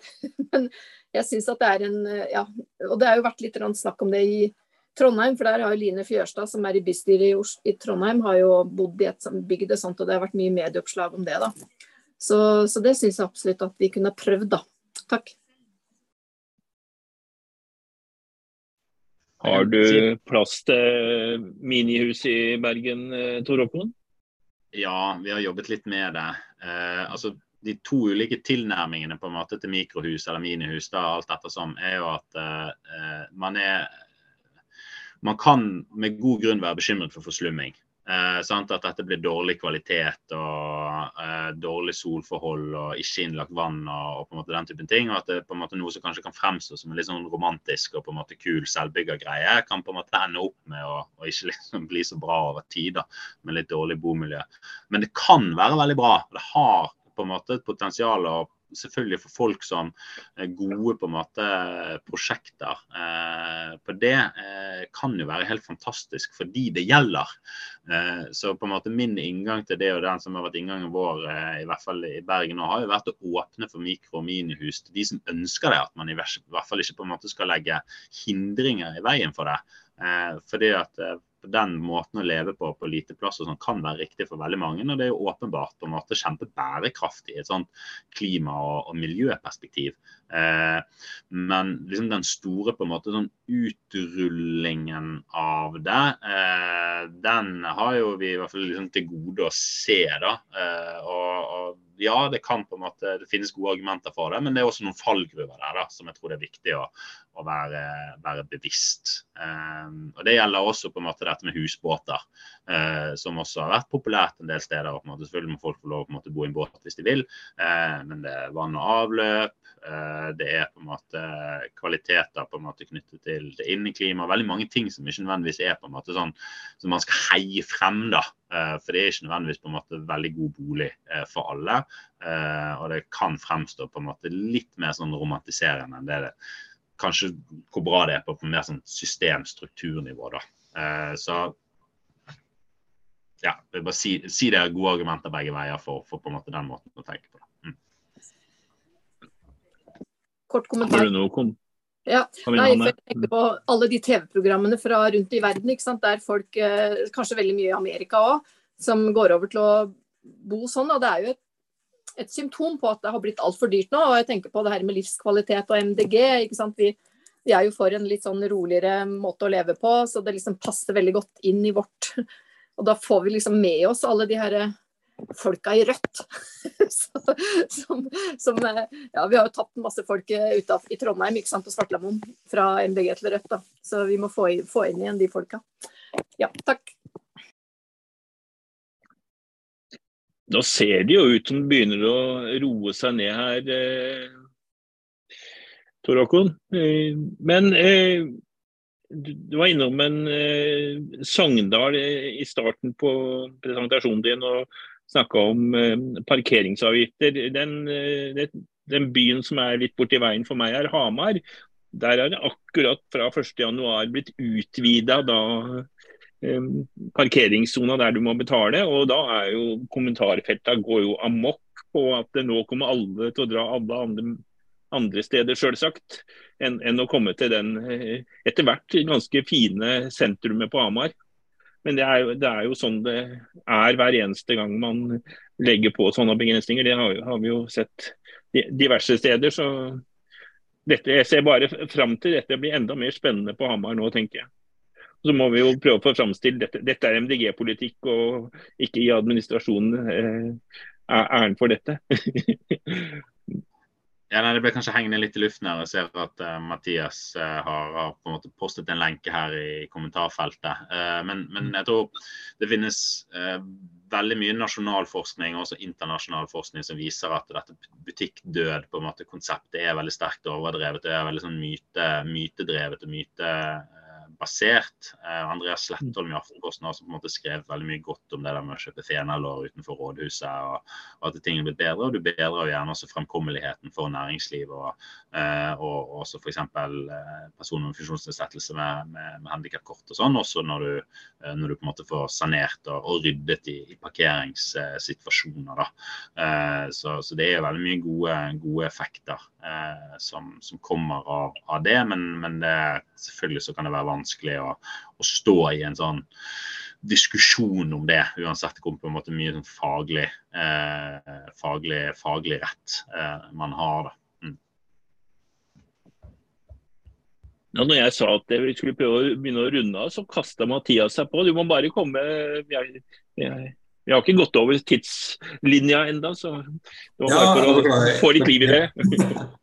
jeg beklager det. Men, uh, jeg hadde uh, bare lyst til å skyte inn og slå et lite slag for Bygata. altså gata her i, Når vi snakker om bypolitikk, så er jo gata det desidert viktigste offentlige rommet vi har. og jeg har jo en, en liten drøm om at uh, MDG skal være gatetunpartiet, eller et parti som særlig her i Oslo kanskje ser på blir inspirert av sånn sirkulasjonsplaner som man har gjennomført i Grøningen og i Gent i Nederland og i Belgia. Det, fanns, det var jo presentert på uh, Oslo arkitekturtriennale nå uh, tidligere, uh, eller i 2022. så liksom Du kan ikke snakke om viktighet liksom, av menneskeliggjøring av gata og sånn. da. Vi var jo mye inn på liksom bare kollektivtrafikken og liksom litt av store arealtrekkene, men på helt, helt gatenivå. Hvilken politikk har vi som kan uh, gjøre en ordentlig utslagsgivende forskjell der? Det er jo kjempeviktig også bare i det trafikkreduseringsaspektet, aspektet, liksom hvordan eh, gata vår funker.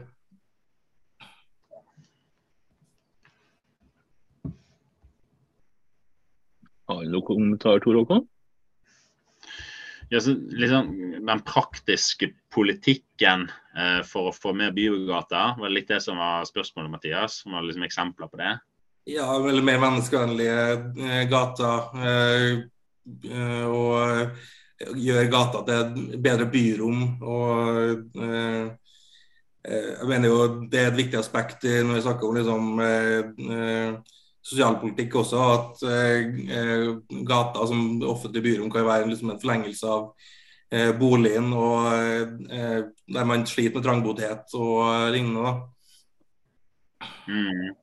Nei, altså, vi er jo inne på, på litt det som eh, vi har vært inne på liksom, noen nyanser her. sant? Og jeg ser det også en som, som skriver om, om bærekraftsmålene til FN, at de ble for svake. Jeg, jeg var for så vidt litt innom det sjøl òg. Eh, vi har akkurat foreslått noe i Bergen om å rullere kommuneplan samfunnsdel med å vektlegge nettopp miljø, natur og klima, og ikke alle eh, bærekraftsmålene, nettopp fordi at vi, vi opplever det samme. Um, og altså det som, er, det som er tungt noen ganger, i hvert fall med å, å, å få til liksom gatebruksplaner eh, og den typen ting. I hvert fall min erfaring eh, fra, eh, fra, Bergen, og sånn som jeg ser det litt andre steder. Og sånn, er jo at kanskje det viktigste å få på plass først, er jo liksom noe så nerdete som liksom gode gatenormaler og gode verktøy eh, for administrasjon, sånn at man relativt raskt har liksom noen standarder og maler å forholde seg til når man skal gå i gang. Og liksom raskt liksom gjennomføre liksom forprosjekter og, og, reguleringer og endringer eh, av, av, byrom.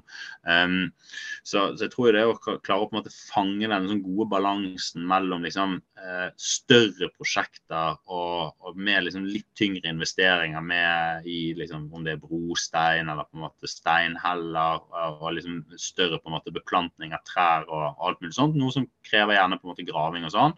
Uh, men det er jo gjerne Jeg pleier å si at det er ikke lov å bytte ut vann- og avløpsrør uten at man samtidig har en, en, eh, en transformasjon på bakken. Når man legger på en måte gateelementene på nytt igjen, så skal det da være en oppgradering når du uansett har, tatt vann og avløp.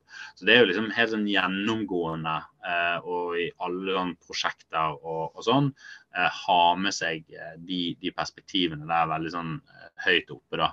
Um, og så ville jo det vært å f.eks. Eh, gå gjennom eh, bydelene og områdene og kartlegge eh, og finne eh, de gode stedene og gjennomføre eh, også liksom enklere eh, grep av midlertidig art, med f.eks. midlertidig eh, Eh, midlertidig eh, ny møblering. Eh, og alle som har jobbet litt med byutvikling, vet jo at hvis det, på en måte, hvis det midlertidig bare er bra nok, så har det en tendens til å bli varig.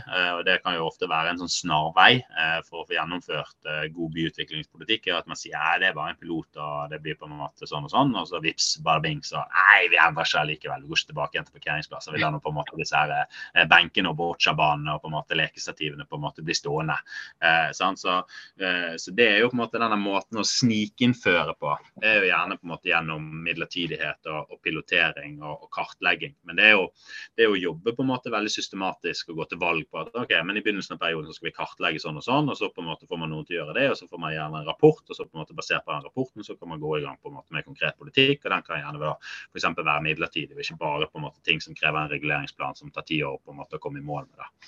Uh, det er nok det er liksom, liksom, det liksom kjedelige eh, liksom svaret. Og så tror jeg det er viktig å tenke på hva som ofte er liksom populært i byer. og Det er lekeplasser. Lekeplasser er superpopulært. Hvis du sier du skal ha noe lekeapparat et eller annet sted, så er det mye lettere å få lov nesten til hva som helst. Eh, og også kanskje hvis du setter et offentlig toalett eller et eller annet sånt, så er det på en måte mye lettere å få folk med seg på det. Dass er overraskende populært eh, i sentrumsområder. Offentlig dass. Det er liksom Folk elsker det. Eh, det blir veldig gode saker. Andre ting som er sånn superpopulært, er sånn offentlige drikkefontener. Også megapopulært. Krever ikke på en måte nødvendigvis så mye.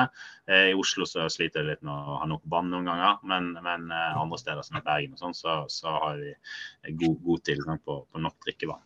Eh, men spørsmålet du stiller er på en måte veldig godt. Og, og, um, og, det å ha et velutviklet program som på en måte viser at man, man har liksom tenkt gjennom alle fasene av det å få på plass et godt byrom hvordan man får det til. Det er veldig viktig inn i en forhandling om en politisk plattform etter et valg. Uh, og ja, så for eksempel, Hvis du ønsker å gjøre noe med rasisme, bestill en rasismerapport bort, på en måte. Det, det, det finnes noen sånne her uh, grep som en del av disse andre partiene på en måte er vant med, fordi at de har holdt på med det ganske lenge. Og så bør vi gjøre litt de samme triksene eh, på, bare på, på, det som går på klima, miljø og nærmiljø. og den typen. Mm. Har du noen kommentar, eh, Mathias? Eller? Ja, eh, altså mitt ville bare slå seg der. Jeg vet ikke hva som skjedde der. Men eh, ja, eh, det du sier er jo altså Jeg er jo fagperson, jeg jobber jo med det hver eneste dag og er av byplanlegger, så det er jo veldig Du merker jo eh, her også at MDG er et eh, parti på lag med fagpersoner, som du var innom tidligere. Og det er jo ja, Jeg meldte meg inn i MDG, for de sa akkurat det samme som jeg har lært på studiet. Så da, det er godt å høre at det fortsatt er sånn. Sånn er det. Mm. Ja, men uh, nå begynner vi, Nå tror jeg vi nesten runder av, hvis ikke Jonas uh, har tenkt å komme med et eller annet underfundig spørsmål til fra Trondheim. Jeg vet ikke, Jonas? Om det er så underfundig, jeg vet ikke. Jeg tenkte jeg skulle komme med en eh, liten lekkasje fra programprosessen i Trondheim. Jeg sitter jo i den programkomiteen. Det er ikke så veldig kontroversiell, så jeg må kanskje skuffe noen med akkurat det. Men eh, et spørsmål som gjerne eh, dukker opp Eh, i de samtalene vi har hatt i brannkomiteen, er hvor konkret skal vi være? Er dette for konkret? Skal vi si akkurat den bydelen? Skal vi si maks 20 eh, elever per lærer? En del sånne, og kanskje spesielt det som går på velferd, da, altså helsepolitikk, skolepolitikk. Um, på hvilket tidspunkt skal vi bli konkrete, og på hvilket tidspunkt skal vi tenke at ok, dette her er faktisk noe fagavdelingene må, må, finne ut av hva som er det akkurat riktige. Da. Så jeg lurer litt på om det, den diskusjonen er noe som du kjenner til, Tor Håkon. Hvor konkret skal man være et program for at det skal være både nyttig for de politikerne som blir valgt, men uten at man uh, lover langt mer enn det man kan holde? Um, altså min sånn grunnregel uh, er jo at man heller skal love for mye enn for lite. Og heller være for konkret enn for lite konkret. Uh, så, og så eh, jeg tror jo ofte at det på en måte er en litt sånn god miks. At liksom, ja ok, vi har lyst til å gjøre den og den gaten bilfri, eller vi vil gjøre det og det om til en bygate, det og det om til en gågate. Eh, sånn og sånn. At det er, det er helt fine ting å ha i et program, sammen med mer sånn overordna trafikkreduksjonsmål eller overordna klimagassutslippsmål eller et eller annet sånt. Uh, vi har lyst på karbonfangst og -lagring på det og det punktutslippet. Jeg tenker det er helt fint. Um, så tror nok jeg at det på en måte I en by som, som Trondheim så er det veldig rom også for et, et parti som er visjonært og har veldig på en måte store tanker om byutviklingspolitikken. Jeg vil jo på en måte Miljøgate Trondheim, eh, trikkbybane Trondheim, eh, flytte ut den der stygge godsterminalen i Trondheim. altså på en måte Reetablere det man har fått til eh, nå blir jeg veldig lokale da, men det man har fått til i Ilsvika. Denne turen for det der eh, fra Ilsvika, som er bare helt sånn nydelig park nederst mot sjøen. og så kan du gå liksom i fossedur på en måte, liksom, sikkert en halvtime, tre kvarter opp. Altså, det er jo så nydelig og så flott. Eh, så man har jo fryktelig mange gode eksempler også, tenker jeg, i Trondheim på hvor man har, har fått det på en måte velutviklet liksom, prosjekter som man kan peke på, som også er ganske liksom, store. Da. Så, så jeg, jeg syns ikke man skal holde igjen på å være konkret på byutviklingspolitikk og arealpolitikk. Altså. Det, det syns jeg ikke.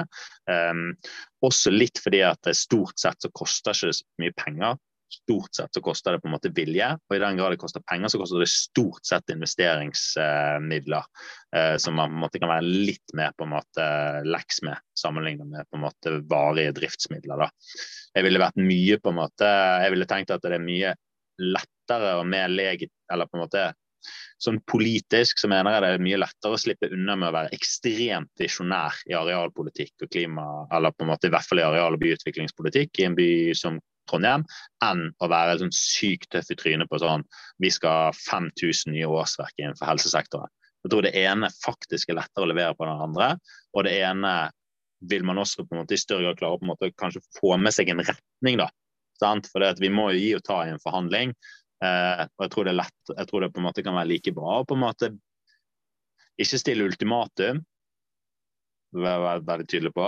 Veldig forsiktig med ultimatum. Vi er veldig forsiktige med det i Bergen, men veldig tydelig på en måte krav og sånn i by, eh, bypolitikk. Det, og på en måte arealer og byutvikling og sånn. Det tror jeg er, er helt knall i padden. Og så er det gjerne også på en måte ting som bidrar til å flytte Arbeiderpartiet og Høyre spesielt i en grønnere retning. Og det, det er nok også litt uh, funksjon og roll til, um, til MDG i Trondheim, vil jeg på en måte tro i, i neste valg. Takk. Er du fornøyd med svaret, Jonas? Oi. Ja, jeg syns det er et godt, uh, godt svar. Ja. Det er jo mye morsommere å være visjonær og love veldig mye enn å ikke tørre å love noen ting. Så uh, det, er jo en, det er jo en ting som, uh, som, dukker opp. Programmer er jo gjerne fulle av formuleringer som styrke og øke og bedre og, og sånt noe. Så det kan jo gjerne Det kan jo fort bli litt vagt, ikke sant. Men så er det jo kanskje en en linje som man må finne, da. Mm. mm. Det er vel lettere å uh, få media hvis man eh, klemmer bomringen. Så altså, det er veldig konkret. Så, det blir, piknik nå. Eh, Bomringpiknik. Oi! Ja, fikk vi en lekkasje fra Bergen her. ja. Nei, men uh, nå har vi eh, holdt på 1 time og 40 minutter omtrent. Eh, det er nesten ingen som har falt fra, så da tror jeg alle syns dette har vært veld veldig bra. Men jeg tror vi tar kvelden. Og så eh, er det for oss som er litt grenseløse, så er det ny grønn torsdag i morgen på en onsdag med Kristin Antun. Så vi får, se. Også på torsdag er det om smultningsøkonomi. Så hvis det er noen som som ikke har noe å gjøre på kvelden, så kan dere slenge dere med, eller dere kan se på opptak. Denne her blir lagt ut i opptak. Og så hadde Tor Håkon også da en presentasjon. Vi prøver å legge den inn under arrangementet på Grønn torsdag på Facebook. Og så er det noen som ikke har Facebook, så kan dere kontakte oss på andre måter. Mm. i dag, og takk for det til Tor Håkon. Så håper dere fortsatt ha en fin kveld.